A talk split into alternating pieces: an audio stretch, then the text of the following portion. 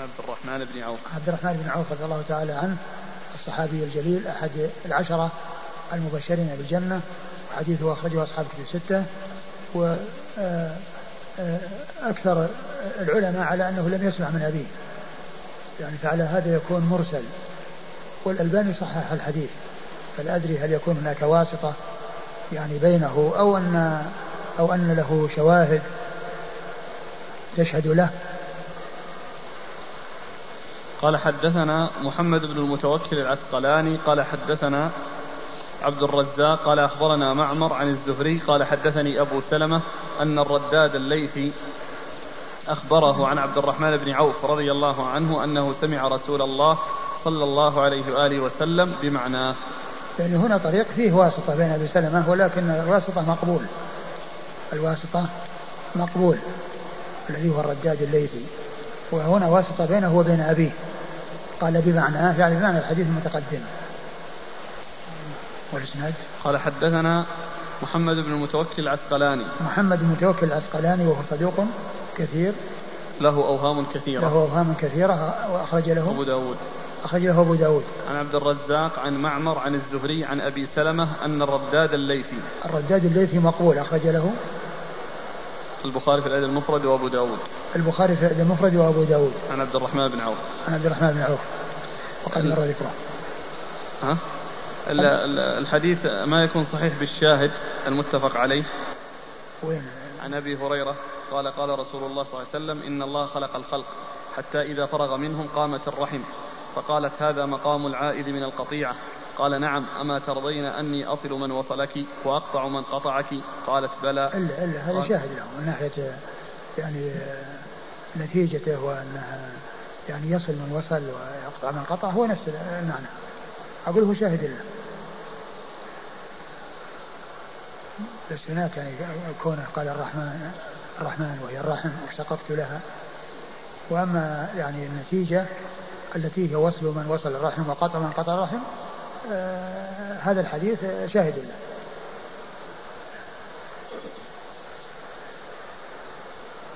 ما ادري لعل لعل الشيخ أحمد شاكر عنده شيء. هنا المحقق المعلق يقول الحديث أخرجه الإمام أحمد في المسند وقد حقق الشي الشيخ شاكر صحته. في المسند تخريج المسند. اللي هو حديث عبد الرحمن ذا إيه. يمكن يعني يعني انه يعني من ناحية إن كان شواهد أو إن فيه واسطة أخرى غير رداد الليثي نقرأ أسئلة ولا؟ وش باقي حديث؟ حديثين. قال الإمام أبو داود السجستاني رحمه الله تعالى في باب صلة الرحم. قال حدثنا مسدد. قال حدثنا سفيان عن الزهري عن محمد بن جبير بن مطعم عن أبيه رضي الله عنه يبلغ به النبي صلى الله عليه وآله وسلم أنه قال لا يدخل الجنة قاطع رحم. بسم الله الرحمن الرحيم. الحمد لله رب العالمين وصلى الله وسلم وبارك على عبده ورسوله نبينا محمد وعلى آله وأصحابه أجمعين. أما بعد فقد سبق في هذه الترجمة باب صلة الرحم. أحاديث تدل على صلة الرحم وعلى فضل ذلك وعلى ما فيه من الأجر والثواب. ثم ذكر أبو داود رحمه الله بعد ذلك أحاديث فيها قطيعة الرحم وخطرها ومضرتها. فأورد حديث جبير بن مطعم النوفلي رضي الله تعالى عنه وأرضاه أن النبي صلى الله عليه وسلم قال لا يدخل الجنة قاطع رحم. وهذا وعيد شديد لمن يكون قاطعا لرحمه.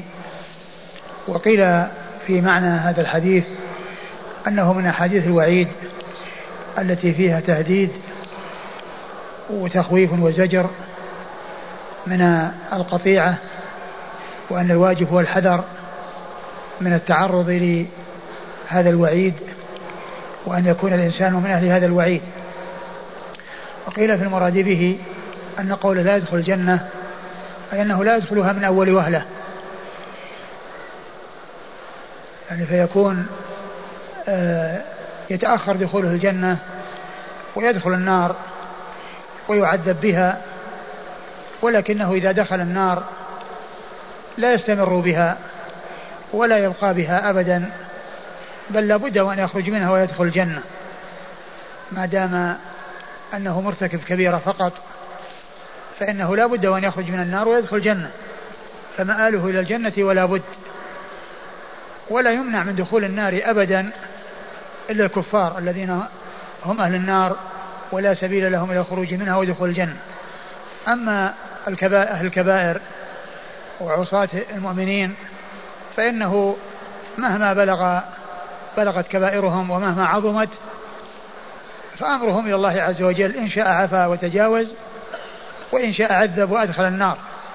ولكنه إذا أدخل أحدا النار بجرمه وبكبيرته فإن فإنه لا يدوم فيها دوام الكفار بل يبقى فيها مدة المدة التي يشاء الله عز وجل أن يبقى فيها وبعد ذلك يخرج منها ويدخل الجنة. فمآله إلى الجنة ولا بد.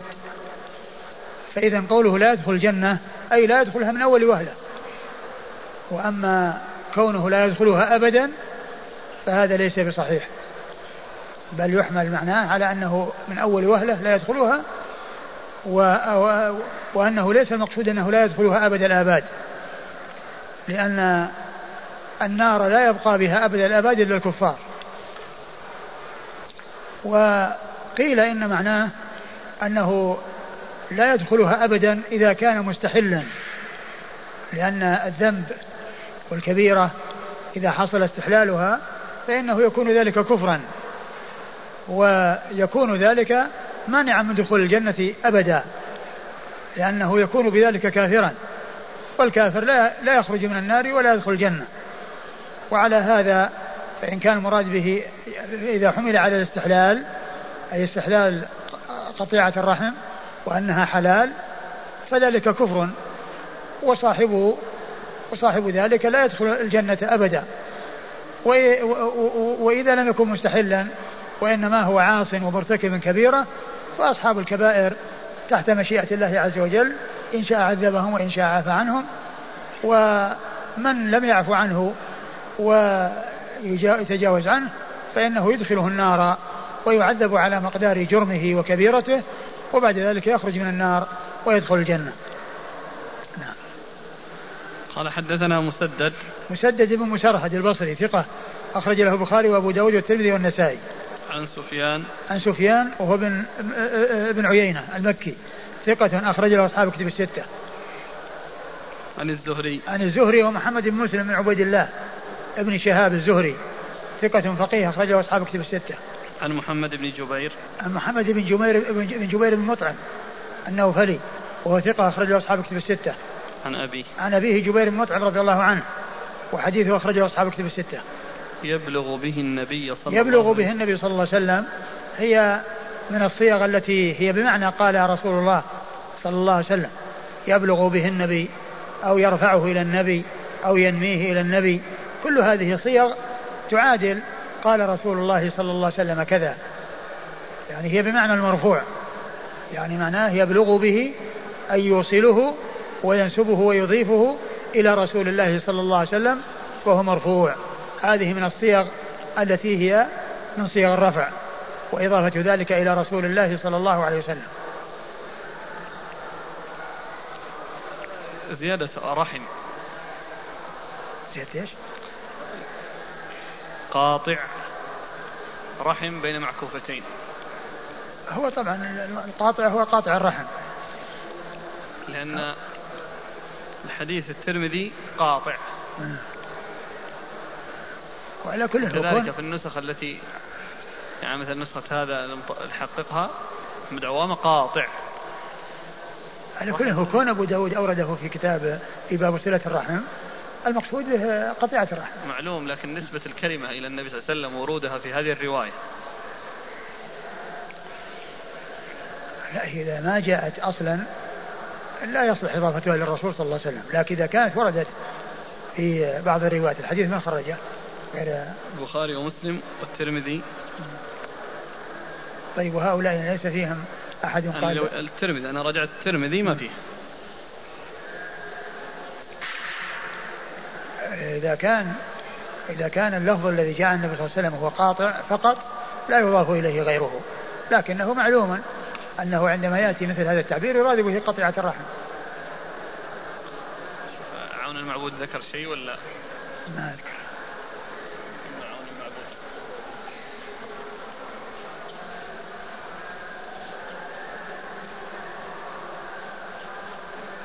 قال لا يدخل الجنة قاطع. ثم بين معكوفتين قاطع رحم. يعني كلمتين؟ إيه, إيه. بالمعكوفتين كذلك. هنا حطها بالمعكوفتين ولا عندنا يعني أي قاطع رحم. قاطع أي قاطع رحم.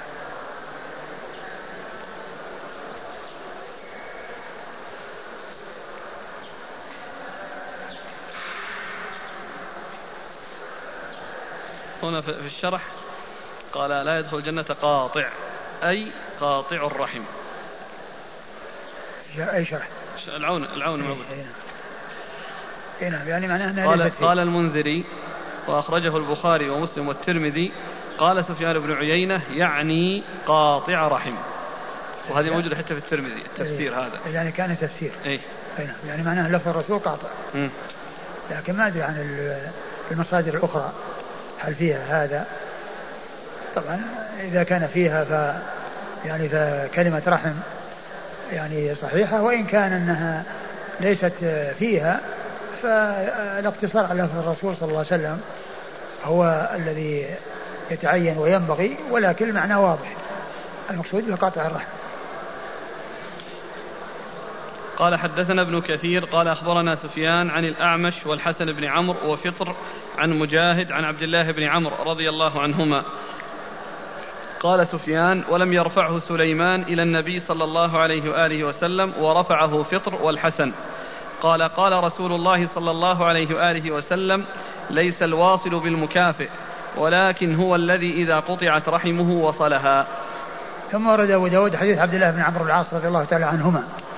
قال ليس الواصل بالمكافئ يعني واصل الرحم الذي يكافئ يجازي على الإحسان إحسانا بمعنى أنه أعطي شيئا فأعطى مكانه أو حصل منه حصل له الزيارة فحصلت منه هو الزيارة مكافأة وردا للذي قد حصل.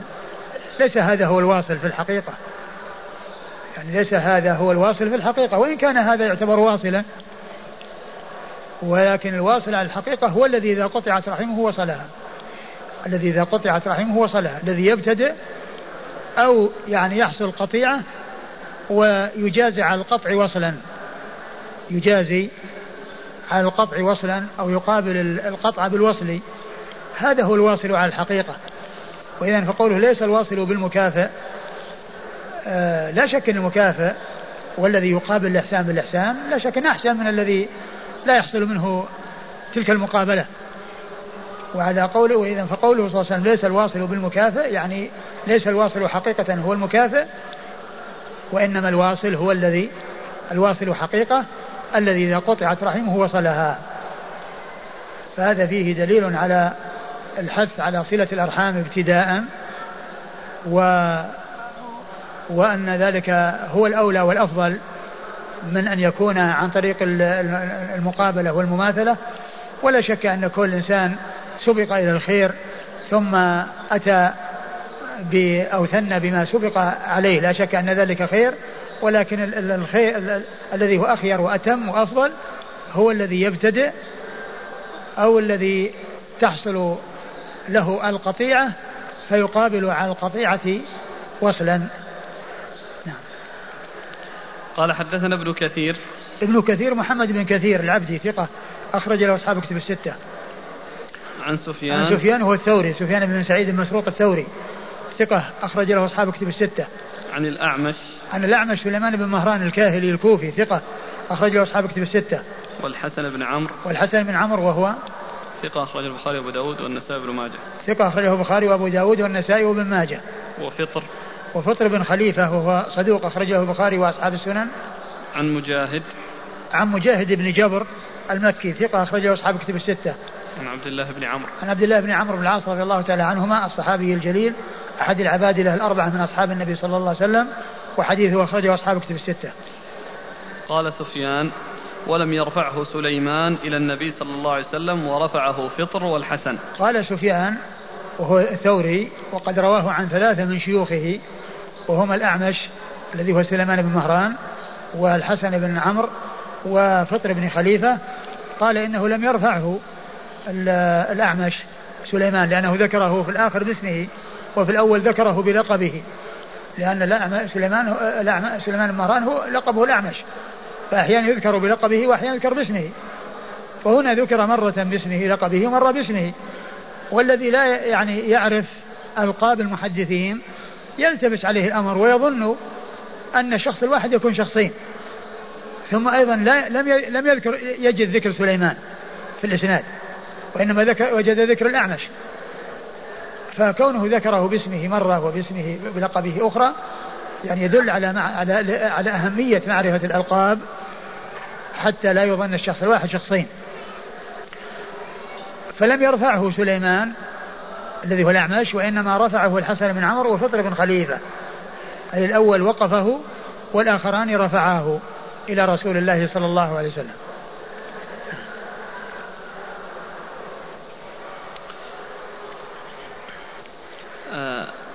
يسأل الإخوة عن صلة الرحم. فمثلا هذا يقول كيف تكون الصلة؟ كيف يكون القطع؟ تكون الصلة بمختلف أنواع الصلة. تكون بالعطاء وتكون بالزيارة وتكون بالاتصال وتكون بالسؤال عنهم وتكون بمعاونتهم ومساعدتهم بما يحتاجون إلى إلى مساعدته. كل كل ما هو يعني خير لهم يعني يصل إليهم خيره ويعني يمنع عنهم شره. هذه قطع هذه صلة الرحم. وهذا يقول هل هناك مدة تحدد للشخص أن يكون واصل أو ليس قاطع؟ هناك مدة ليس هناك مدة ولكن الإنسان يعني يحرص على أن يكون آآ آه، آآ آه، اتصاله أو كذا يعني في أوقات متقاربة. ولا نعلم آه، تحديدا لمدة أو تحديد مدة معينة للإنسان من وقت كذا إلى وقت كذا لا نعلم. الأرحام هل هم الأقارب أم يستمر ذلك ولو كان مثلا يتصل كما يقول السائل بالجد العاشر؟ الأرحام يعني كما هم معلوم الأقارب ولكن بعضهم أولى من بعض. بعضهم أولى من بعض. وإذا كانت القرابة بعيدة ويشق الاتصال يعني بهم. فالإنسان يكون معذور ولكنه يسأل عن أحوالهم إذا تيسر. لكن كونه يتصل بهم واحد واحد وهم وهم بالمئات والألوف يعني هذا يشق عليه لكن يحرص على القرابات القريبة. ولكن الباقين يسأل عنهم في الجملة إذا كانوا كثيرين جدا ومتباعدين. يقول فإن كانوا يؤذونني في ديني فهل لي أن أقطعهم أو يأمرونني بالمعصية؟ إذا كانوا يؤذونك في دينك فعليك أن تنصحهم. عليك أن تنصحهم حتى يستقيموا على طاعة الله وحتى يستقيموا على أمر الله وحتى يكونوا على الدين الصحيح وعلى الصراط المستقيم. لأن هذا من أعظم صلة الرحم. من أعظم صلة الرحم أن تكون سببا في هداية ضال لأن آه الإحسان إلى الرحم بهدايته والسعي في هدايته هذا من أهم المهمات وهذا من أعظم الصلة لأن هذا فيه إخراج من الظلمات إلى النور فهو أعظم إحسان وأعظم صلة. فإذا كان الأمر كذلك على الإنسان يحرص على هدايتهم وعلى دعوتهم وعلى النصح لهم وعلى الاتصال بهم من أجل آه، تنبيههم ومن أجل آه، عظتهم وتذكيرهم لعل الله أن يهديهم. قال رحمه الله تعالى باب في الشح. قال حدثنا حفص بن عمر قال حدثنا شعبة عن عمرو بن مرة عن عبد الله بن الحارث عن أبي كثير عن عبد الله بن عمرو رضي الله عنهما أنه قال خطب رسول الله صلى الله عليه وآله وسلم فقال إياكم والشح فإنما هلك من كان قبلكم بالشح. أمرهم بالبخل فبخلوا وأمرهم بالقطيعة فقطعوا وأمرهم بالفجور ففجروا. ثم ورد أبو داود هذا ترجمة باب في الشح. لما ذكر صلة الرحم وأن من صلة الرحم الإحسان بالمال وبالعطاء كما أنه يكون بغير ذلك. وكل على حسب ما يستطيع. لما ذكر صلة الرحم وأنها تكون بوجوه الصلة ومنها إعطاء المال ومنها البذل والإعطاء عقب ذلك بالترجمة التي هي في الشح التي هي تقابل التي هي ضد الإعطاء وضد البذل وضد الإحسان الذي هو المنع وعدم الإحسان. فناسب أن يذكر بعد ذلك الشح. والشح قيل هو يعني هو شدة البخل. وقيل إن البخل خاص والشح خاص والبخل عام وقيل العكس. وغالبا ما يضاف البخل إلى عدم البذل والشح إلى ما يقوم بالنفس من عدم الرغبة في الجود والإحسان ولهذا يأتي في القرآن ومن يوق شح نفسه ومن يوق شح نفسه. فاليد تابعة للنفس. فإذا كان القلب غنيا أو النفس غنية سهل بعد ذلك يعني غنى اليد وبذل اليد. وإذا كانت اليد غنية ولكن النفس ليست غنية بل يعني عندها الشح وعندها البخل فإن اليد تكون تابعة لها. لا يحصل الجود من اليد إلا إذا وجد استخاف النفس والرغبة من رغبة النفس في الإحسان. وقد أورد أبو داود حديث عبد الله بن عمرو. عبد الله بن عمرو رضي الله تعالى عنهما أن النبي صلى الله عليه وسلم خطب الناس وقال إياكم والشح فإن الشح أهلك ما كان قبلكم. إياكم والشح تحذير من الشح. فإن الشح أهلك ما كان قبلكم. أمرهم بالبخل فبخلوا. بالبخل فبخلوا. وهذا يوضح أن البخل الذي هو عدم البذل نتيجة لما قام في القلب وما قام في النفس. ولهذا قال أمرهم. يعني النفس الأمارة بالسوء التي فيها الشح هي التي أمرت بالبخل فحصل البخل. فإذا النفس أمارة بالسوء والنفوس الشحيحة يعني تكون آه، آه، تمنع وتأمر بعدم البذل وتأمر بالبخل. أمرهم أي الشح بالبخل أي شح النفس. يعني ما قام في نفوسهم من الشح هو الذي كان سببا في عدم البذل. هو الذي كان سببا في عدم البذل. فصار البخل نتيجة للشح. البخل الذي هو البخل بالمال وعدم بذله نتيجة للشح الذي قام في النفس. والنفس أمارة بالسوء إلا ما رحم الله. أمرهم بالبخل فبخلوا. أي أمرهم الشح أي شح النفوس. أي النفوس الأمارة بالسوء آه، آه، هي التي حصل منها آه، العمل على عدم البذل. وأمرهم بالقطيعة فقطعوا. وأمرهم بالقطيعة فقطعوا. قطيعة الأرحام فقطعوها. وأمرهم بالقطيعة أي قطيعة الأرحام فقطعوها. وأمرهم بالفجور ففجروا. والفجور يعني يفسر بأنه الكذب ويفسر بأنه الميل عن الصواب والميل عن الحق. وكل هذا نتيجة للشح الذي هو يقوم في النفوس. ولهذا يقول الله عز وجل ومن يوق شح نفسه فأولئك هم المفلحون. ذكر الله عز وجل ذلك في آخر الآية التي في آه، سخاء الأنصار وجودهم وبرهم وإحسانهم. قال الله عز وجل والذين جاءوا من بعدهم والذين والذين تبوأوا الدار والإيمان من قبلهم يعني بعد من بعد المهاجرين من قبل المهاجرين. والذين تبوأوا الدار والإيمان من قبلهم يحبون من هاجر إليهم ولا يجدون في صدورهم حاجة مما أوتوا ويؤثرون على أنفسهم ولو كان بهم خصاصة. يعني يبذلون. ثم قال ومن يوق شح نفسه فأولئك هم المفلحون. قال حدثنا حفص بن عمر. حفص بن عمر ثقة أخرج حديث البخاري وأبو داود والنسائي. عن شعبة. عن شعبة بن الحجاج الواسطي ثم البصري ثقة أخرج له أصحاب كتب الستة. عن عمرو بن مرة. عن عمرو بن مرة الهمداني ثقة أخرج له أصحاب كتب الستة. عن عبد الله بن الحارث. عن عبد الله بن الحارث آه، وهو ثقة أخرجه أصحاب كتب الستة. خالف المفرد ومسلم وأصحاب خالف المفرد ومسلم وأصحاب السنن. عن أبي كثير. عن أبي كثير وهو الزبيدي. نعم. زهير بن الأقمر. نعم. زهير بن الأقمر زهير بن الأقمر مقبول أخرج له. البخاري في خلق أفعال العباد وأبو داود. البخاري في خلق أفعال العباد وأبو داود. الترمذي والنسائي. والترمذي والنسائي. عن عبد الله بن عمرو. عن عبد الله بن عمرو بن العاص رضي الله تعالى عنهما وقد مر ذكره. قال حدثنا مسدد قال حدثنا إسماعيل قال أخبرنا أيوب قال حدثنا عبد الله بن أبي مليكة قال حدثتني أسماء بنت أبي بكر رضي الله عنهما أنها قالت قلت يا رسول الله ما لي شيء إلا ما أدخل علي الزبير بيته فأعطي منه. قال أعطي ولا توكي فيوكى عليك. ثم ورد أبو داود حديث أسماء بنت أبي بكر رضي الله تعالى عنهما أن أنها قالت ما لي إلا ما أدخل علي الزبير. يعني ليس عندي شيء إلا ما أدخل علي الزبير. يعني في بيته. أفأنفق منه؟ قال أنفقي ولا توكي فيوكى عليك.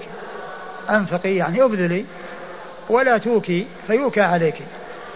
وفسر بأن المقصود بقوله آه، أنفقي يعني أنفقي من مما يعطيه خاصا بك. إذا أعطاها شيء يخصها به ويملكها إياه ويكون آه، نفقة لها أو كسوة لها أو ما إلى ذلك من الوجوه التي تنتفع بها فإنه يدخل في ملكها فتنفق منه لأنه في ذلك ملكه.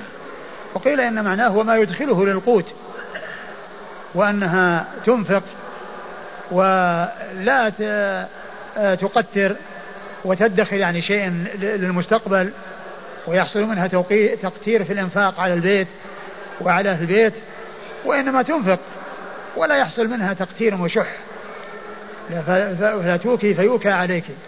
والإيكا هو يعني الوكاء هو ما يربط به الشيء الذي يوكى عليه يعني في حفظه والمحافظة عليه وإبقائه وعدم آه، بذله وعدم صرفه.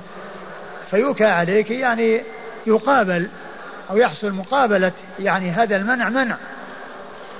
هذا المنع الذي حصل منك يحصل منع لك في مقابل ذلك لأن الجزاء من جنس العمل قال حدثنا مسدد عن إسماعيل مسدد مر ذكره إسماعيل هو بن عليا إسماعيل بن إبراهيم بن مقسم الأسدي ثقة أخرج له أصحاب كتب الستة عن أيوب عن أيوب بن أبي تميمة السختياني ثقة أخرجه أصحاب كتب الستة. عن عبد الله بن أبي مليكة. عن عبد الله بن أبي مليكة وهو ثقة أخرجه أصحاب كتب الستة. عن أسماء بنت أبي بكر. عن أسماء بنت أبي بكر رضي الله تعالى عنها وعن أبيها وعن الصحابة أجمعين وحديثها أخرجه أصحاب كتب الستة. قال حدثنا مسدد قال حدثنا إسماعيل قال أخبرنا أيوب عن عبد الله بن أبي مليكة عن عائشة رضي الله عنها أنها ذكرت عدة من مساكين.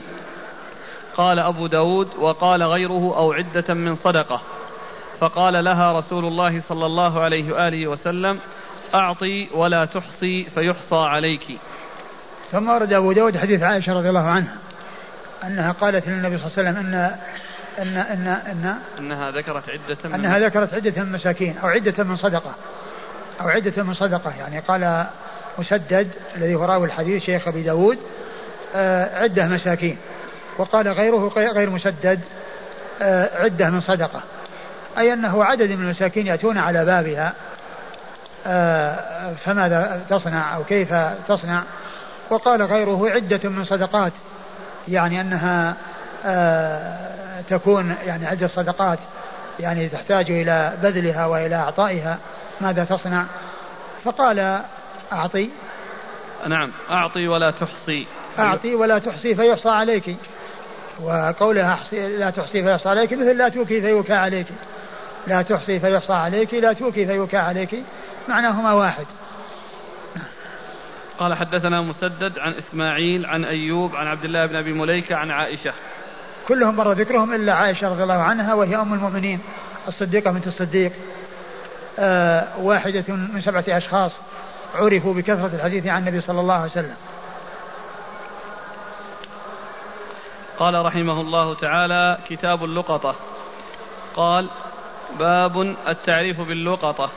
قال حدثنا محمد بن كثير قال أخبرنا شعبة عن سلم بن كهيل عن سويد بن غفلة أنه قال غزوت مع زيد بن صوحان وسلمان بن ربيعة فوجدت سوطا فقال لي اطرح فقلت لا ولكن إن وجدت صاحبه وإلا استمتعت به فحججت, فحججت فمررت على المدينة فسألت أبي بن كعب رضي الله عنه فقال وجدت صرة فيها مئة دينار فأتيت النبي صلى الله عليه وآله وسلم فقال عرفها حولا فعرفتها حولا ثم أتيته فقال عرفها حولا فعرفت فعرفتها حولا ثم أتيته فقال عرفها حولا فعرفتها حولا ثم أتيته فقلت لم أجد من يعرفها لم أجد من يعرفها فقال احفظ عددها ووكاءها ووعاءها فإن جاء صاحبها وإلا فاستمتع بها. وقال ولا أدري أثلاثا قال عرفها أو مرة واحدة. ثم أورد أبو داود هذا هذا الكتاب كتاب اللقطة. واللقطة هي الشيء الذي يلتقط يعني مما يعني يضيع على أهله. ويقال غالبا ما تكون في غير المواشي. فإن المواشي يقال لها ضالة في الغالب وغيرها من النقود وما أشبهها يقال لها لقطة. وأورد أبو داود الترجمة التعريف باللقطة. التعريف هو كون الإنسان إذا وجد لقطة يعرف بها يعني ينادي عليها أنه آه، وجد شيئا مفقودا فمن هو له فليأتي إليه. حتى يذكر ذلك الشيء الذي فقده وإذا كان مطابقا لما عنده فإنه يعطيه إياه. فالتعريف باللقطة جاء في حديث أبي بن كعب هذا أنه ثلاث, ثلاث سنوات لأنه جاء إليه فقال عرف عرفها حولا ثم جاء قال عرفها حولا ثم قال عرفها حولا. وجاء في أحاديث أخرى عن غير أبي أنه يعرفها حولا واحدا. وقد أجمع العلماء على أنه يكفي حول. وأنه يجزئ حول واحد. ولكن بعض أهل العلم جمع بين ما جاء في هذا الحديث وما جاء في غيره أن هذا الحديث قال يحمل على ما إذا كان آآ آه، آآ آه، الذي آه، صاحب اللغة اللقطة يعني موسر وأنه لا يحتاج إليها فإنه كونه ينادي عليها قد يأتي صاحبها يعني بعد تلك المنادات في مدة ثلاث سنوات فيعطيها إياه. وإذا لم يكن كذلك فإنه يكتفى بتعريف تعريف سنة واحدة. يعني جمعوا بين هذا الحديث والحديث بأن أبي من مياسير الصحابة فالنبي صلى الله عليه وسلم أمره بأن يكرر وذلك لعدة سنوات. وجاء في حديث غيره عرفها سنة دون أن يذكر شيئا آخر. فدل هذا على الاكتفاء بسنة واحدة وهذا محل إجماع.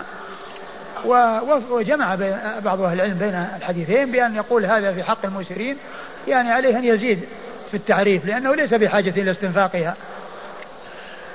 ف آه، أورد أبو داود حديث أبي بن كعب رضي الله عنه وذلك أن آه، سويد بن غفلة. سويد بن غفلة رحمة الله عليه لقي صوتا آه، وجد صوتا فأخذه وكان معه شخصان هما هما زيد بن صوحان نعم وسلمان بن ربيعة. وسلمان بن ربيعة فقال اتركه. فقال لا بل آخذه إن وجدت صاحبه وإلا ارتفقت به أي استفدت منه. فأخذه. ولما قدم المدينة حججت نعم ولما حج لقي أبي بن كعب رضي الله عنه فسأله. فقال إنني وجدت صرة فيها مئة دينار. فأتيت النبي صلى الله عليه وسلم فقال اعرف عفاصها وإكاءها. اعرف عفاصها اعرف. وجدت قال أول عرفها حولا. قال عرفها حولا. قال عرفها حولا أي نادي عليها حولا أي سنة كاملة. أيوة. فعرفتها حولا ثم أتيته فقال عرفها حولا. ثم عرفتها حولا ثم أتيته فقال عرفها حولا يعني حولا ثانيا قال فعرفته حولا ثم أتيته قال عرفها حولا. أيوة. ثم أتيته فقلت لم أجد من يعرفها. فقال ثم أتيته يعني بعد ثلاث سنوات. فقلت لم أجد من يعرفها. فقال احفظ عددها ووكاءها ووعاءها فإن جاء صاحبها وإلا فاستمتع بها. فقال احفظ عددها ووكاءها ووعاءها. ووعاءها. يعني عددها عدد النقود. وإيش هي؟ هل هي ذهب ولا فضة؟ وكذلك يعني النقود الحاضرة يعني إيش هي؟ هل هي دولارات أو دنانير ورقية أو ريالات؟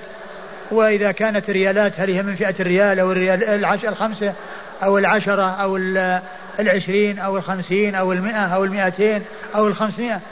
يعني يعرف عددها ويعرف فئاتها.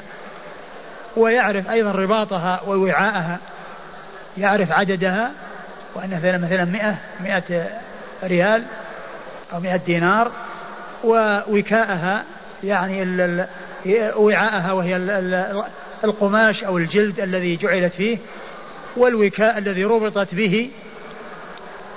كل هذه يعرفها ثم يعني ينفقها. ويستعملها ولكن إن جاء صاحبها فيما بعد ووصفها على النحو الذي هي عليه فإنه يعطيها إياه. فإنه يعطيه يعطيها إياه ويدفعها إليه. وجاء في بعض الروايات أنه يعرف عفاصها ووكاءها في الأول وكل ذلك حق.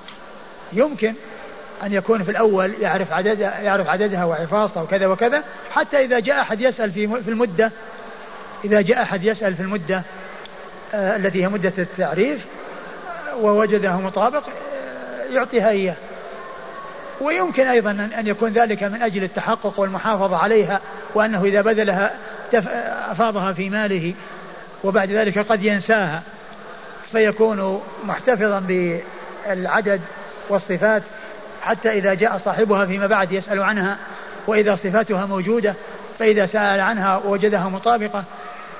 كل ذلك آه يعني هذا صحيح وهذا صحيح. كونها يعرف في الأول وكونه يعرف في الآخر من أجل الإبقاء عليها والمحافظة على تلك الصفات حتى آه، تصل إلى صاحبها فيما بعد إذا جاء كل ذلك حق.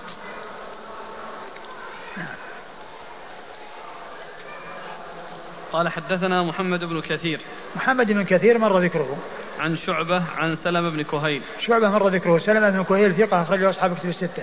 عن سويد بن غفلة. عن سويد بن غفلة وهو, وهو ثقة مخضرم أخرج له أصحاب كتب الستة.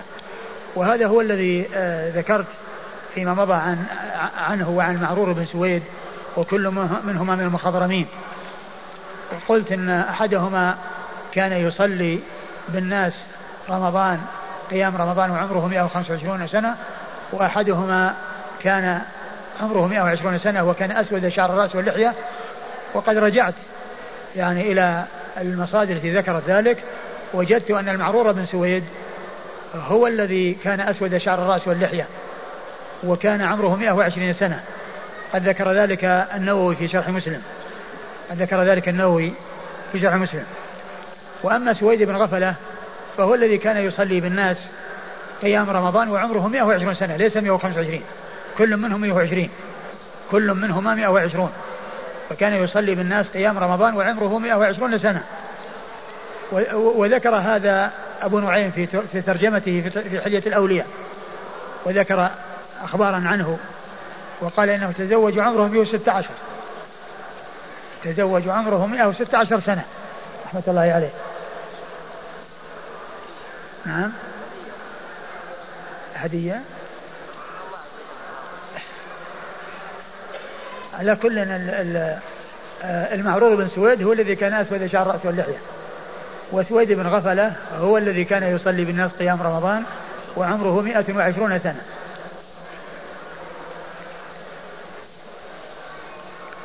عن أبي بن كعب. عن أبي بن كعب رضي الله عنه صاحب رسول الله صلى الله عليه وسلم وحديثه أخرجه أصحاب كتب الستة.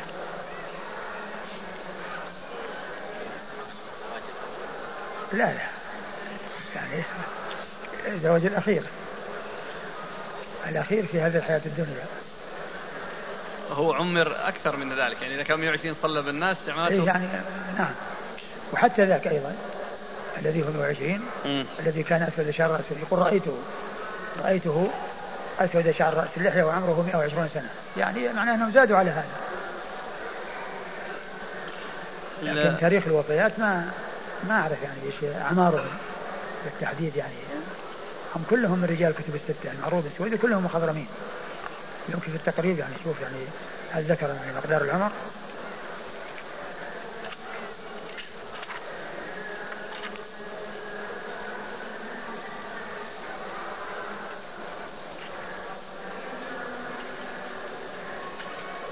آه، مات سنة ثمانين وله مئة وثلاثون سنة. هذا سويد بن غفلة. سويد بن غفلة 130 أي نعم. المعرور بن سويد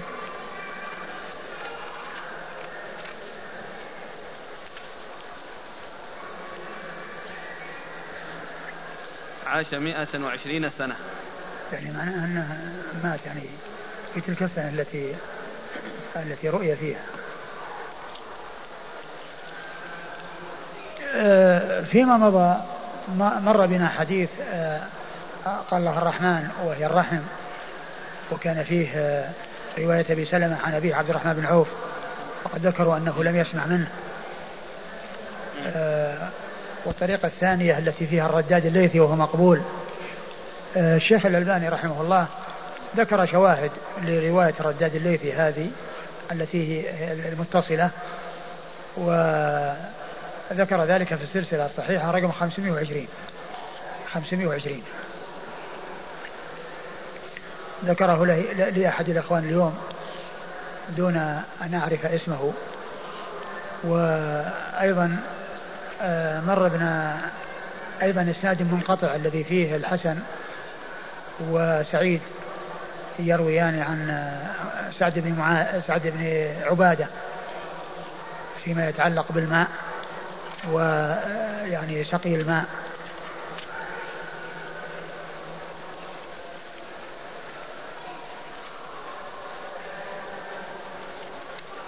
فضل سقي الماء. في باب فضل سقي الماء.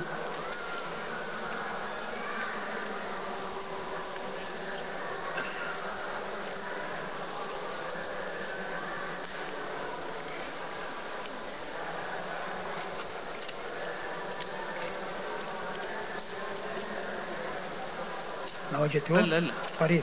إيه؟ هو ذكر الأخ عبد الحكيم أن السلسلة الصحيحة حديث 2443 يعني من طريق أنس عن عن عن سعد بن معاذ عن سعد بن عبادة. يعني فيه يعني حديث يعني من طريق أنس يعني هو في نفس الموضوع كون أمه يعني آه يعني كونه يعني حفر بئرا وجعلها لأمه أو أن يعني الصدقة بالماء على أمه يعني حول هذا الحديث الذي جاء من طريق الحسن.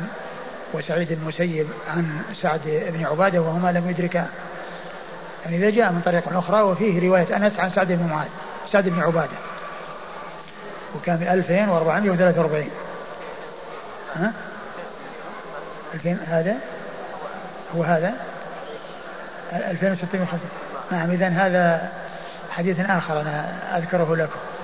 2615 هذا الذي يقول عبد الحكيم. لكن الذي يعني هذا في صحيح ابن خزيمة 2443 حديث سبق درهم مئة ألف درهم. هذا الذي كان سئل عنه وكان ذكر أحد الإخوان أنه عند الخطيب عند الحاكم المستدرك وكان آه، في يعني في إسناده يعني من هو؟ من شيوخه وشيوخ شيوخه لكنه عند ابن خزيمة عن محمد بن بشار عن صفوان بن عيسى عن محمد بن عجلان عن أبي صالح عن أبي هريرة والإسناد حسن لأن محمد بن عجلان صدوق وحديثه حسن. وذكر ذلك الشيخ الألباني في تعليقه على صحيح ابن خزيمة. فالحديث يعني حسن الذي هو سبق درهم مئة ألف.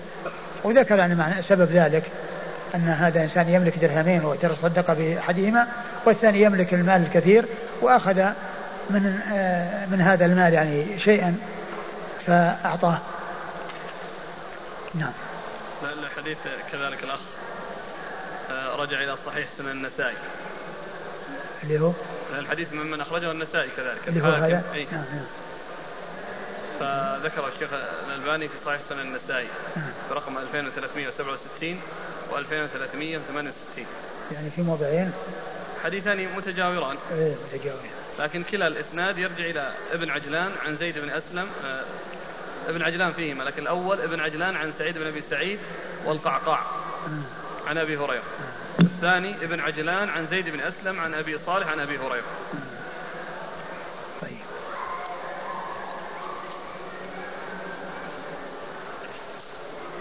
حديث كذلك فين؟ في كلمة مشهورة عند عند الناس في هذا الزمان يقولون الحقيقة بنت البحث. الحقيقة بنت البحث. يعني البحث إذا حصل يعني يوصل إلى الحقائق أقول عندما يحصل البحث في الأمور يوصل إلى الحقائق والحديث كذلك هذا حديث عبد الرحمن بن عوف. الرحمن أنا الرحمن. لكن قد يطول لكن جاب الأخ أسامة المسند لأن المحقق قال قد رجح أحمد محمد محمد شاكر صحته في تعليق على المسلم وهو طويل لكن يعني الشاهد المختصر أن الإسناد يختلف. قال الإمام أحمد حدثنا يزيد بن هارون. قال أخبرنا هشام الدستواي عن يحيى بن أبي كثير. عن إبراهيم بن عبد الله بن قارض أن أباه حدثه. وهذا أيضا موجود عند عند الألباني. أي. موجود عند 520 ذكر يعني طريقين. طريق فيها بن قارض وطريقة أخرى فيها محمد بن عمرو بن وقاص الليثي.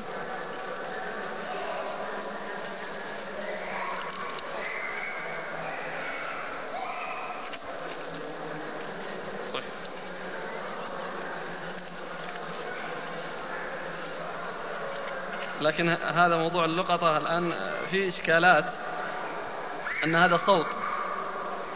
الصوت ما في بس يعني لأنه سيأتي حديث عن علي رضي الله عنه أنه وجد دينارا فيعني أمره بأن يستنفقه أو ينفقه ثم جاء بعد ذلك يعني شخص يسأل عنه فأمره أن يعطيه إياه ولم يأمره بالتعريف. فدل هذا على أن الشيء اليسير لا يحتاج إلى تعريف. لا يحتاج إلى تعريف لكن إن جاء أحد يسأل عنه يعطيه إياه. لو كان هذا مما يستهلك يعني وجد شيء مثلا مسواك خذ تسوق فيه.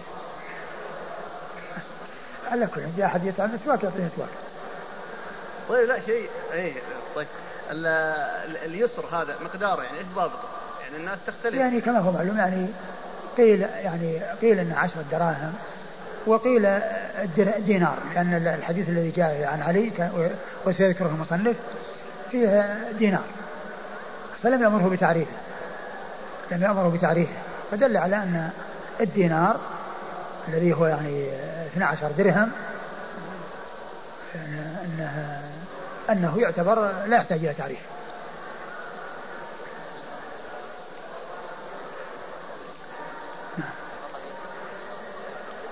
نعم. لا هو أصلا الحديث جاء في أنه دينار الآن كامل. يعني لم يأمرنا بتعريفه. فدل هذا على أن مثل هذا لا يعرف. حد التعريف كيف يكون؟ والله يعني كونه كونه ينادى ينادى عليه يعني في المجامع وفي الأماكن التي وجد فيها أنه وجد لقطة آه، من هي له فليأتي. وجد مثلا لقطة نقود. يعني يحددها هو النقود لكن يأتي يصف النقود. الآن لو وجد شيء إنسان في الجامع وعلق إعلان عند أبواب المسجد وفي الوحدات السكنية. لا بس هذا يكفي. هذا هذا هذا نفس التعريف. بل هذا من أوضح التعريف. لأن هذا شيء مستمر والتعريف يعني يمكن أحد يسمع الصوت وأحد ما يسمع في وقت دون وقت. عرفها سنة فلم يأتي صاحبها فاستخدمها إيه، يستخدمها ولكن إن جاء فيما بعد ووصفها يعطيها إياه. يغرمها حتى لو تلفت. ولو, ولو تلفت نعم. يعني إن كانت موجودة يعطيها عينها وإن لم توجد يعطيه قيمتها.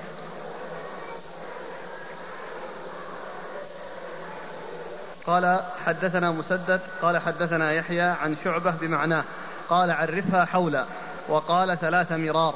قال فلا أدري قال له ذلك في سنة أو في ثلاث سنين. ثم أورد الحديث من طريق أخرى وأشار إلى الاختلاف فيه وأن فيه شك. إيش قال؟ قال عرفها حولا وقال ثلاث مرار. قال فلا أدري قال له ذلك في سنة أو في ثلاث سنين. يعني ثلاث مرار يعني في سنة واحدة أو في ثلاث سنين. لكن الرواية السابقة فيها أنها ثلاثة أحوال قال حدثنا مسدد عن يحيى يحيى بن سعيد القطان ثقة أخرج أصحاب الكتب الستة. عن شعبة بمعناه. عن شعبة مر, مر ذكره.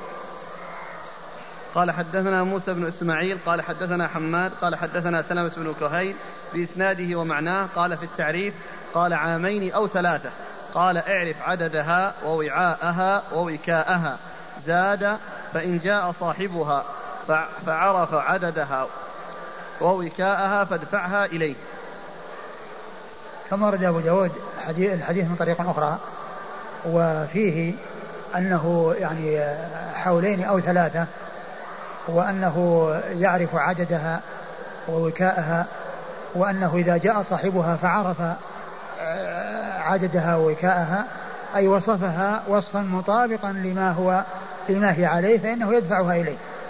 وهذه الزيادة آه، يدل على أن كون صاحب اللقطة يصفها بما يطابق ما هي عليه أنه كاف ولا يحتاج إلى أن يقيم بينة. وبعض أهل العلم يقول أن, أن, أن هذه الرواية فيها يعني فيها تفرد وأنها آه يعني آه أبو داود قال عنها أنها غير محفوظة. فإذا إذا لم يطمئن الإنسان إلى صدقه عليه أن يطلب البينة. لكن الزيادة صحيحة وثابتة وهي موجودة في صحيح مسلم. وأيضا آه، حماد بن سلمة الذي تفرد بها آه، ثقة يحتمل تفرده. وأيضا لم ينفرد بل توبع على ذلك فإنه شاركه سفيان الثوري وزيد بن أبي أنيسة. كلهم ذكروا هذه الزيادة. وهي؟ وهي فإن عرف وكاءها. فإن عرف وكاءها وعفاصها فادفعها إليه. والرواية موجودة في صحيح مسلم. فهي ثابتة ومعتبرة ويكفي كونه يذكرها بما هي عليه. لأن كون إنسان يأتي ويقول إنها مقدارها كذا وهي من النوع الفلاني وهي من فئة كذا وفئة كذا وهي مربوطة في كذا أو في وعاء هو كذا وكذا فإذا أتى بها على الحقيقة يعني يعطيها إياه. قال حدثنا موسى بن إسماعيل. موسى بن إسماعيل التبوذكي ثقة أخرج أصحاب كتب الستة. عن حماد. عن حماد بن سلمة ثقة أخرجه البخاري تعليقا ومسلم وأصحاب السنن. عن سلمة بن كهيل بإسناده ومعناه. عن سلمة بن كهيل بإسناده ومعناه وقد مر ذكر سلمة. قال أبو داود ليس يقول هذه الكلمة إلا حماد في هذا الحديث يعني فعرف عددها. يعني أن هذا ممن انفرد به آه، حماد بن سلمة. لكن وسيأتي أيضا أنه انفرد عن أشخاص آخرين عن غير سلمة بن كهيل وقال إنها غير محفوظة يعني هذه الزيادة. لكن الزيادة ثابتة في صحيح مسلم وأيضا حماد بن سلمة لم ينفرد بل توبع. وسيذكر المصنف ذلك فيما بعد مرة ثانية. قال حدثنا قتيبة بن سعيد قال حدثنا إسماعيل بن جعفر عن ربيعة بن أبي عبد الرحمن عن يزيد مولى المنبعث عن زيد بن خالد الجهني رضي الله عنه أن رجلا سأل رسول الله صلى الله عليه وآله وسلم عن اللقطة قال عرفها سنة ثم اعرف وشاءها وعفاصها ثم استنفق بها فإن جاء ربها فأدها إليه فقال يا رسول الله فضالة الغنم فقال خذها فإنما هي لك أو لأخيك أو للذئب. قال يا رسول الله فضالة الإبل فغضب رسول الله صلى الله عليه وآله وسلم حتى احمرت وجنتاه أو احمر وجهه وقال ما لك ولها معها حذاؤها وسقاؤها حتى يأتيها ربها.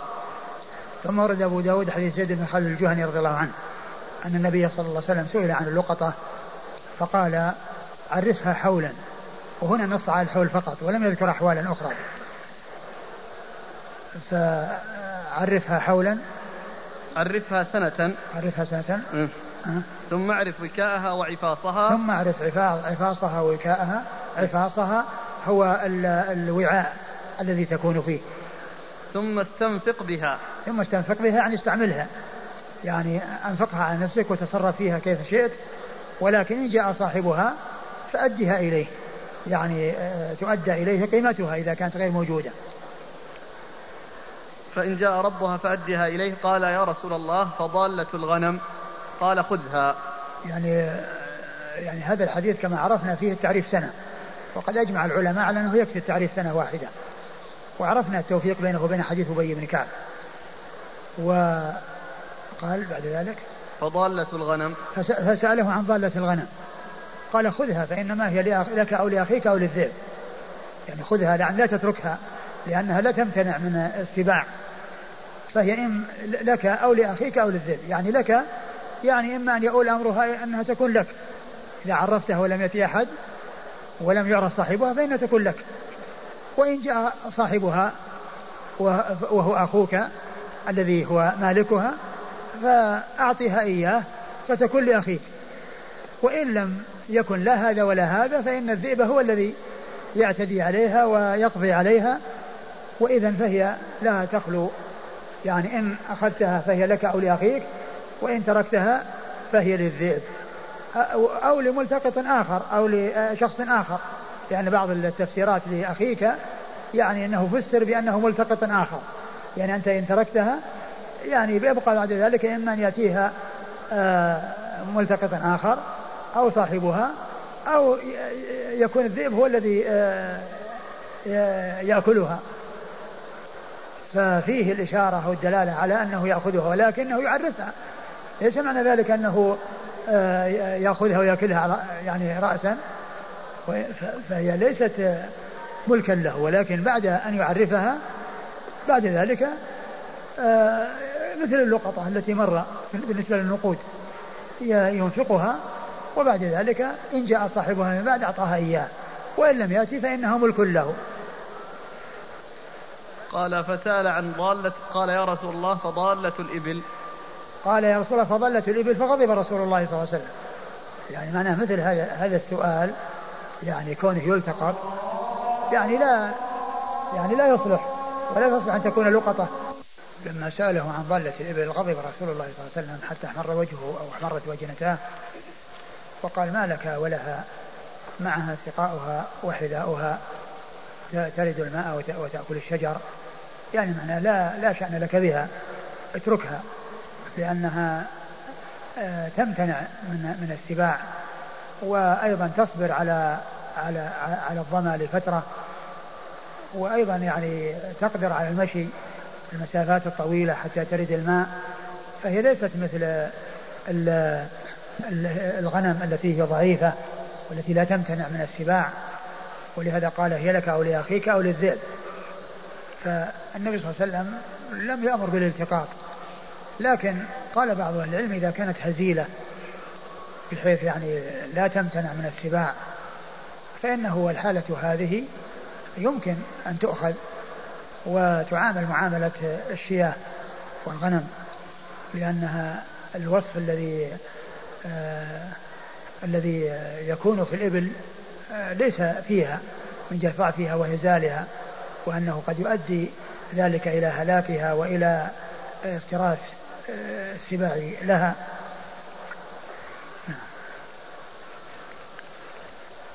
والحديث فيه التفريق بين اللقطة والضالة لأنه أطلق على ما يتعلق بالدراهم والدنانير أنها لقطة وعلى ما يتعلق بالإبل والغنم أنها ضالة.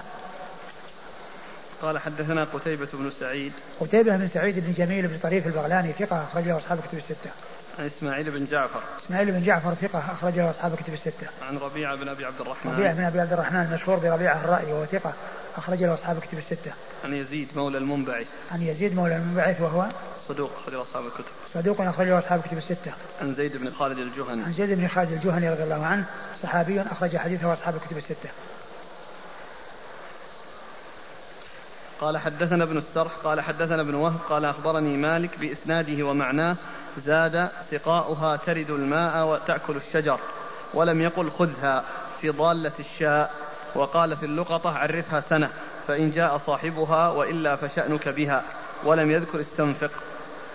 ثم ورد أبو داود الحديث من طريق أخرى وهو مثل الذي قبله إلا أن فيه فروق يسيرة. نعم. قال حدثنا ابن السرح ابن السرح أحمد بن عمرو بن السرح المصري ثقة أخرج حديثه مسلم وأبو داود والنسائي وابن ماجه. عن ابن وهب. عن ابن وهب عبد الله بن وهب المصري ثقة فقيه أخرج له أصحاب كتب الستة. عن مالك. عن مالك بن أنس إمام دار الهجرة المحدث الفقيه أحد أصحاب المذاهب الأربعة المشهورة من مذاهب أهل السنة وحديثه أخرجه أصحاب كتب الستة. قال بإسناده ومعناه. قال بإسناده ومعناه لأن الإسناد متقدم ومعناه أي المتقدم. قال أبو داود رواه الثوري وسليمان بن بلال وحماد بن سلمة عن ربيعة مثله لم يقولوا خذها. ثم ذكر طرق أخرى أنه عن ربيعة عن يعني رواه عن ربيعة لم يقول لم يقول خذها يعني كما جاء في الرواية السابقة. نعم. قال أبو داود رواه الثوري وسليمان بن بلال. الثوري هي سفيان بن سعيد مر ذكره. سليمان بن بلال ثقة أخرج له. أصحاب الكتب. أصحاب الكتب الستة. وحماد بن سلمة عن ربيعة. محمد بن سلمة عن ربيعة نعم. استمر نعم.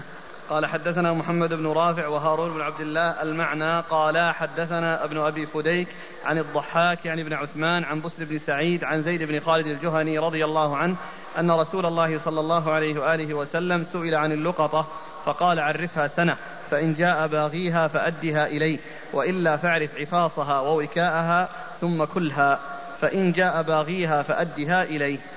ثم رد أبو داود حديث زيد بن خالد وهو مثل ما تقدم أنها تعرف سنة وأنه بعد ذلك يعرف العفاص والوكاء وأنه يأكلها وإن جاء صاحبها فيما بعد يؤديها إليه إن كانت موجودة وإلا يؤدي القيمة إذا كانت متقومة أو مثلها إذا كانت يعني غير متقومة كالنقود. نعم الإسناد قال حدثنا محمد بن رافع. محمد بن رافع النيسابوري ثقة أخرجه أصحاب كتب الستة إلا ابن ماجه. وهارون بن عبد الله. هارون بن عبد الله الحمال البغدادي ثقة أخرجه أخرجه مسلم وأصحاب السنن. عن ابن أبي فديك. عن ابن أبي فديك وهو محمد بن إسماعيل بن مسلم آه ثقة أخرجه صدوق أخرجه أصحاب كتب الستة. عن الضحاك يعني بن عثمان. عن الضحاك يعني بن عثمان وهو ثقة. صدوق يهم. وهو صدوق يهم أخرج له. مسلم وأصحاب السنن. مسلم وأصحاب السنن. عن بسر بن سعيد. عن بسر بن سعيد وفيه وفي صحيح مسلم آه، قبل آه، بسر بن سعيد آه، أبو النضر. أبو النضر سالم المدني وهو في مستد في في, في, صحيح مسلم يعني بين الضحاك وبين بسر بن سعيد أبو النضر. وهو أبو النضر ثقة أخرج له أبو النضر أخرج له ابن البخاري في الأدب المفرد ومسلم وأصحاب السنن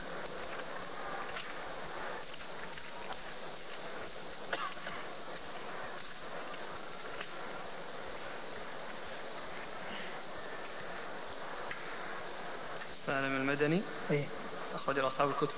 أصحاب الكتب. ثقة. 2182 ثقة ثبت. سالم المدني أبو النضر ثقة أخرجه أصحاب الكتب الستة. عن بسر بن سعيد وهو ثقة أخرج له أصحاب الكتب. أصحاب الكتب الستة. عن زيد بن خالد عن زيد بن خالد الجهني وقد مر ذكره. يعني يكون ساقط من السند أو نعم. يعني كان ساقط لأن في في في الضحاك يعني من من شيوخه هذا اللي هو أبو النضر. أبو بسر بن سعيد من تلاميذه أبو النضر وليس من فيهم الضحاك. في تهذيب الكمال. هذا يبغى مراجعة تحت الإشراف. ما رجعت في الإشراف لكن أنا في في تهذيب الكمال في ترجمة هذا ما في ذكر الضحاك والألباني لما قال ذكره في الصحيح قال بزيادة أبو النضر وهو الصواب. بزيادة أبو النضر أبو النضر عن عن بشر وهو الصواب. قد يكون يعني أبو داود رواة كذا وهو الأصح الأصح. نعم.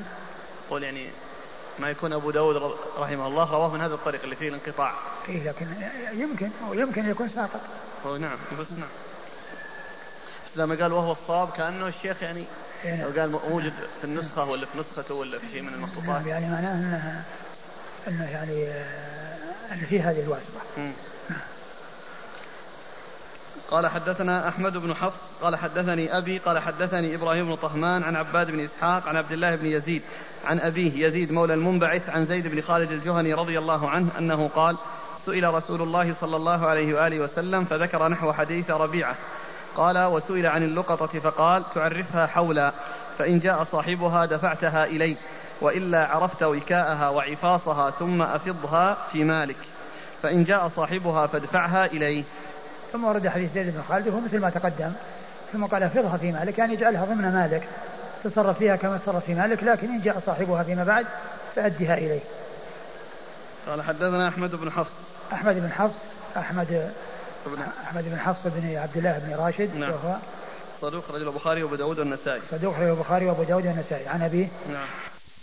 قال الإمام أبو داود السجستاني رحمه الله تعالى في باب التعريف باللقطة. قال حدثنا أحمد بن حفص قال حدثني أبي قال حدثني إبراهيم بن طهمان عن عباد بن إسحاق عن عبد الله بن يزيد عن أبيه يزيد مولى المنبعث عن زيد بن خالد الجهني رضي الله عنه أنه قال سئل رسول الله صلى الله عليه وآله وسلم فذكر نحو حديث ربيعة قال وسئل عن اللقطة فقال تعرفها حولا فإن جاء صاحبها دفعتها إليه وإلا عرفت وكاءها وعفاصها ثم أفضها في مالك فإن جاء صاحبها فادفعها إليه. نعم الذي بعده ولا الإسناد؟ بعده. قال حدثنا موسى بن إسماعيل قال عن, عن حماد بن سلمة عن يحيى بن سعيد وربيعة بإسناد قتيبة ومعناه وزاد فيه فإن جاء باغيها فعرف. فعرف عفاصها وعددها فادفعها إليه. وقال حماد أيضا عن عبيد الله بن عمر عن عمرو بن شعيب عن أبيه عن جده رضي الله عنه عن النبي صلى الله عليه وآله وسلم مثله. قال أبو داود وهذه الزيادة التي زاد حماد بن سلمة في حديث سلمة بن كهيل ويحيى بن سعيد وعبيد الله بن عمر وربيعة إن جاء صاحبها فعرف عفاصها ووكاءها فادفعها إليه ليست بمحفوظة. وحديث عقبة بن سويد. كذا عندك؟ ها؟ عقبة بن سويد ها؟ إيه. وحديث عقبة بن سويد عن أبيه عن النبي صلى الله عليه وآله وسلم أيضا قال عرفها سنة. وحديث وحديث عمر بن الخط عمر بن الخطاب أيضا عن النبي صلى الله عليه وآله وسلم قال عرفها سنة. بسم الله الرحمن الرحيم. الحمد لله رب العالمين وصلى الله وسلم وبارك على عبده ورسوله نبينا محمد. وعلى آله وأصحابه أجمعين أما بعد. فقد سبق في الدرس الماضي البدء بكتاب اللقطة وذكر جملة من الأحاديث المتعلقة بالتعريف باللقطة. وفي هذا الدرس بقي جملة من الأحاديث. وقد مر حديث زيد بن خالد الجهني رضي الله عنه من طرق. وذكر أبو داود هنا بعض الطرق التي أحال فيها على الطرق السابقة وأشار إلى بعض الإشارات التي فيها وأنه آه، يعرفها سنة وأنه إن جاء صاحبها فيما بعد فإنه يعطيها إياه وله أن يستفيد منها وإن جاء صاحبها أعطاها إياه ودفعها إليه دفعها إليه إن كانت العين موجودة دفعها وإن كانت غير موجودة غرم له قيمتها. ثم ذكر بعد ذلك آه هذه الزيادة التي سبق أن مرت في بعض الطرق عن سلمة بن كهيل وذكرها هنا وهي زيادة حماد بن سلمة في الحديث فإن جاء فعرف عفاصها ووكاءها فأدها إليه. وقال أبو داود رحمه الله إن هذه الزيادة غير محفوظة لأنه تفرد بها حماد بن سلمة وهذه الزيادة موجودة في صحيح مسلم. وحماد بن سلمة هو ثقة ومع ذلك فقد توبع. تابعه في ذلك زيد بن أبي أنيسة وسفيان الثوري فهي زيادة ثابتة.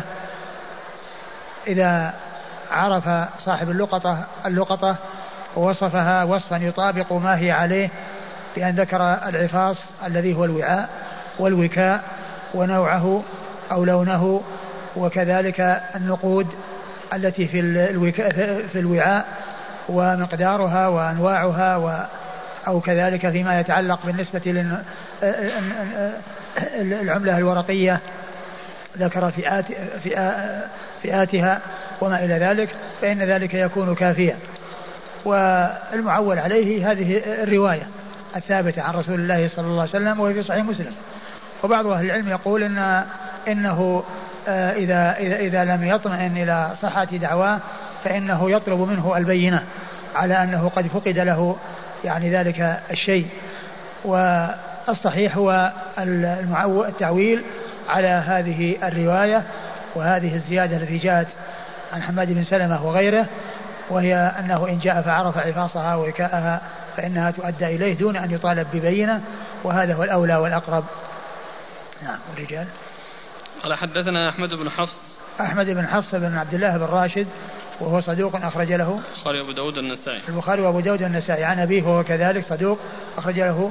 البخاري وأبو داود النسائي البخاري وأبو داود النسائي وابن ماجه. وابن ماجه. عن إبراهيم بن طهمان عن إبراهيم بن طهمان ثقة أخرجه أصحاب كتب الستة. عن عباد بن إسحاق. عن عباد بن إسحاق وهو عبد الرحمن اسمه عبد الرحمن بن إسحاق. وهو عبد الرحمن وهذا لقبه أخرج له. صدوق أخرج له البخاري المفرد ومسلم وأصحاب السنن. صدوق أخرجه البخاري في المفرد ومسلم وأصحاب السنن. عن عبد الله بن يزيد. عن عبد الله بن يزيد. صدوق أخرج أبو داود النسائي صدوق أخرج له أبو داود النسائي وابن ماجه. وابن ماجه. عن أبيه يزيد مولى المنبعث. عن أبيه يزيد مولى المنبعث وهو صدوق. أخرج له أصحاب الكتب. صدوق أخرج له أصحاب الكتب الستة. عن زيد بن خالد عن زيد بن خالد الجهني رضي الله عنه صاحب رسول الله صلى الله عليه وسلم وحديثه عند أصحاب الكتب الستة.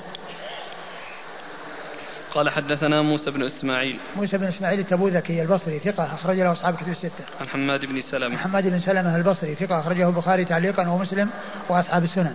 عن يحيى بن سعيد. عن يحيى بن سعيد الأنصاري المدني ثقة أخرج له أصحاب كتب الستة. وربيعة.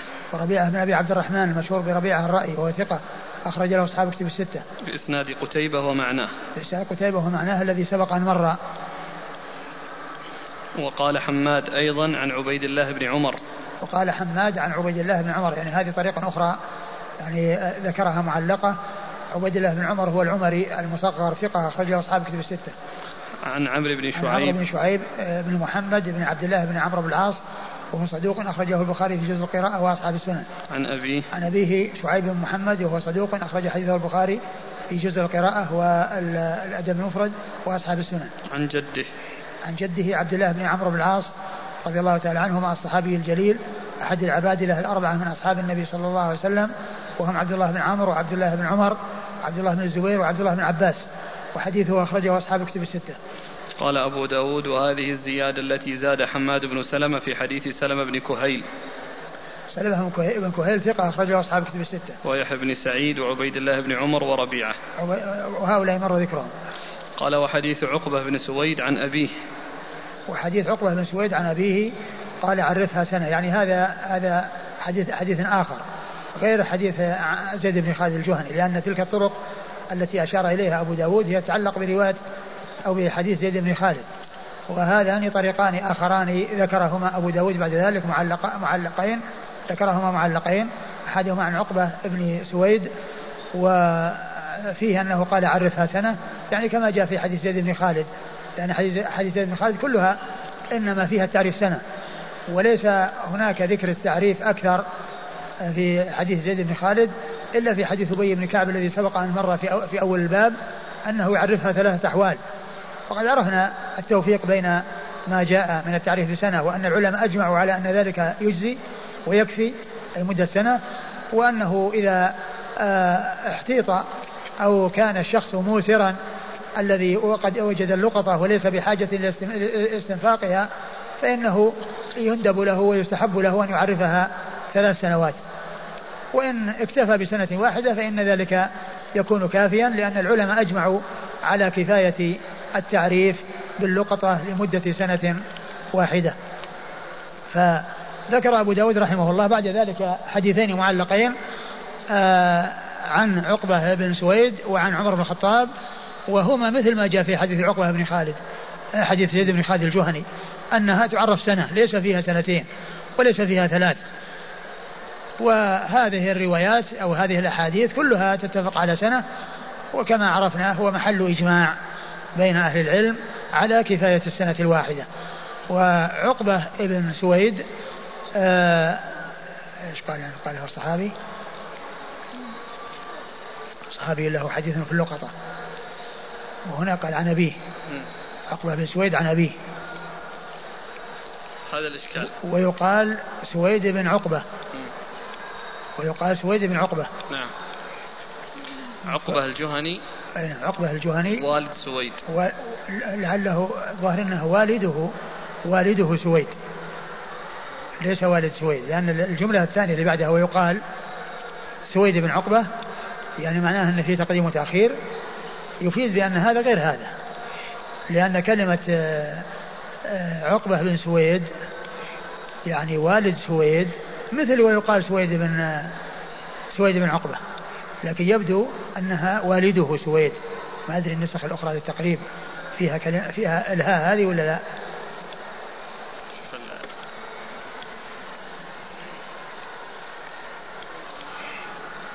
لأنه ذكر غير منسوب. يعني عقبة الجهني. فقال والده سويد. ويقال سويد بن عقبة. يعني تقديم وتأخير في الأسماء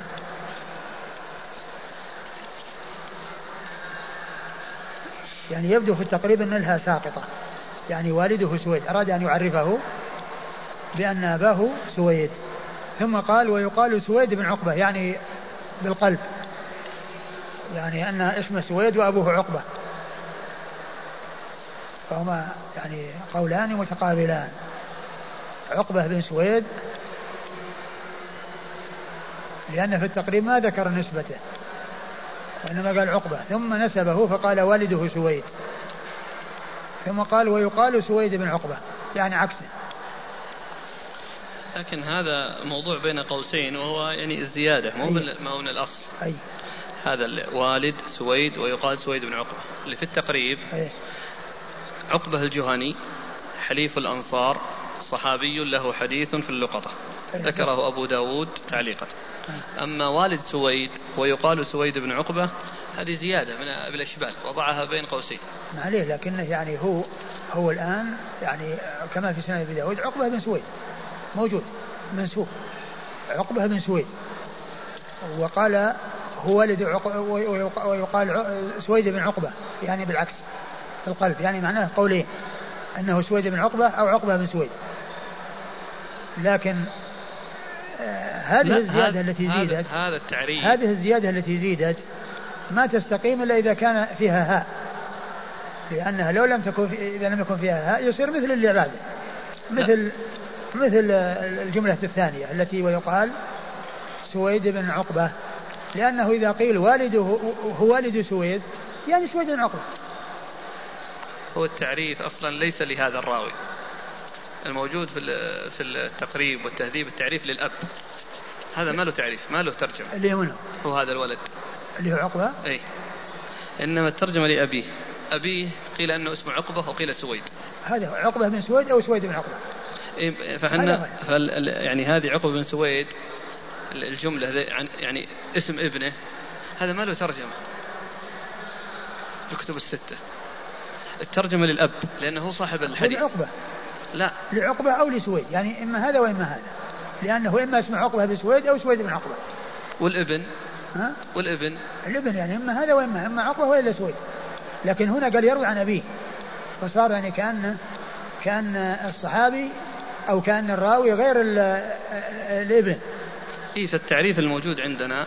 هو للأب لأنه طيب. صاحب الحديث. طيب. فالأب الأب وش اسمه؟ اسمه السويد الجهني. سويد لا هو عقبة الجهني هنا. هنا. لكنه في الإصابة. في الإصابة؟ سويد الجهني. طيب. ويقال ويقال سويد بن عقبة. يعني معناه عقبة بن سويد. لا لا جبت عقبة. أو سويد بن عقبة.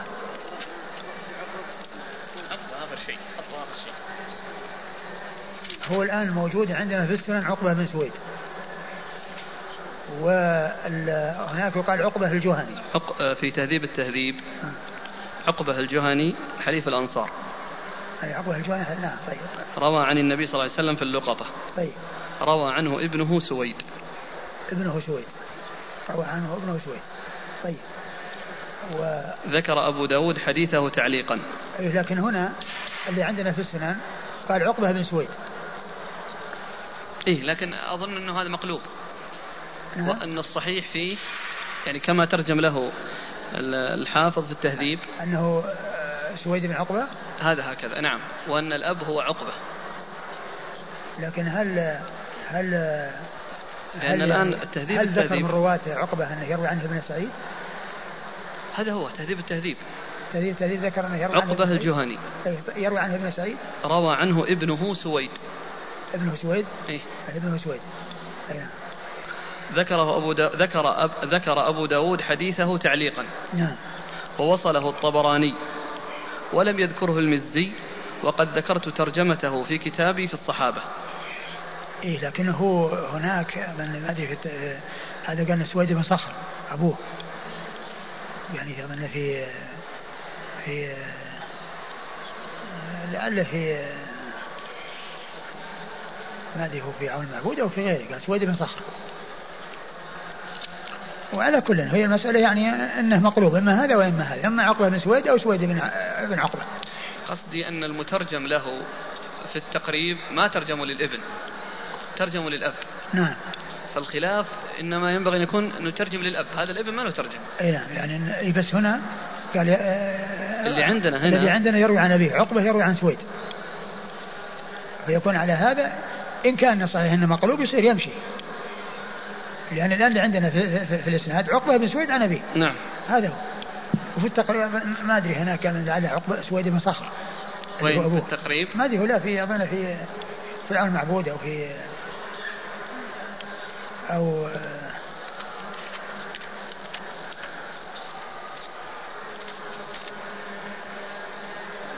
أو في تحت الأشراف. ما أدري يعني إيش سويد بن صخر. تقريبا ما في سويد بن سعيد ثم سويد بن طارق. على كل هو هو الحديث هو ذكر في التق... في في السنن عن في في عمل المعبود بالإسناد. أقول ذكر بالإسناد. اللي هو هذا هو حديث سويد. في الطبراني. لا إيه في الطبراني وفي في الطبراني وفي عدة مصادر أربعة مصادر. وين هو المعبود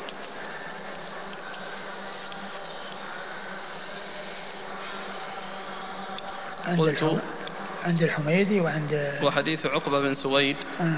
قال في الفتح أخرج الحميدي والبغوي وابن السكن والباوردي والطبراني كلهم من طريق محمد بن معني الغفاري. عن ربيعة عن عقبة بن سويد الجهني. عن أبيه. عقبة بن سويد الجهني عن أبيه. مثل ما عند أبي داود. وبعدين سخر وين يمكن في أما في فتح الباري ولا في ولا في عون المعبود أو انه ان سويد بن صخر قال. ما في. والألباني صححه يعني ذكره في الصحيحة. في في صحيح السنن.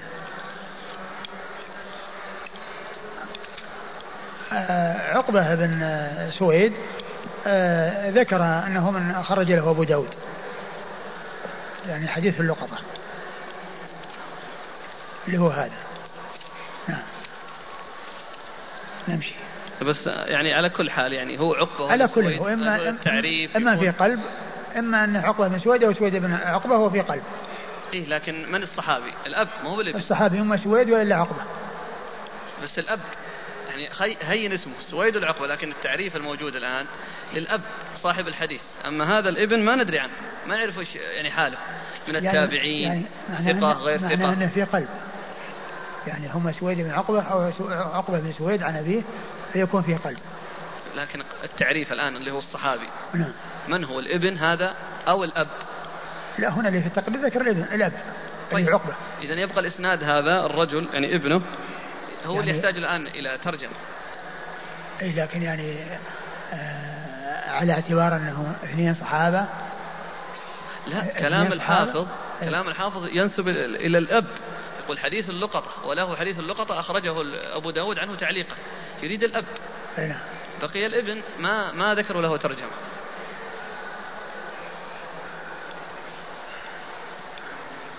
على كل هو هو المسألة مثل ما ذكر إما كذا وإما كذا إما عقبة بن سويد أو سويد بن عقبة ويكون آه، فيها قلب وهنا قال عن أبيه.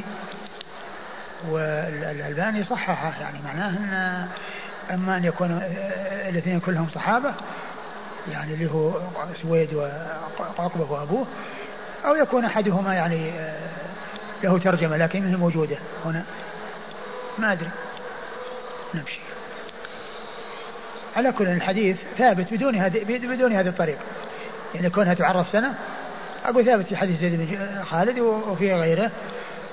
فسواء يعني عرف هذا أو لم يعرف الحديث ثابت بدونه.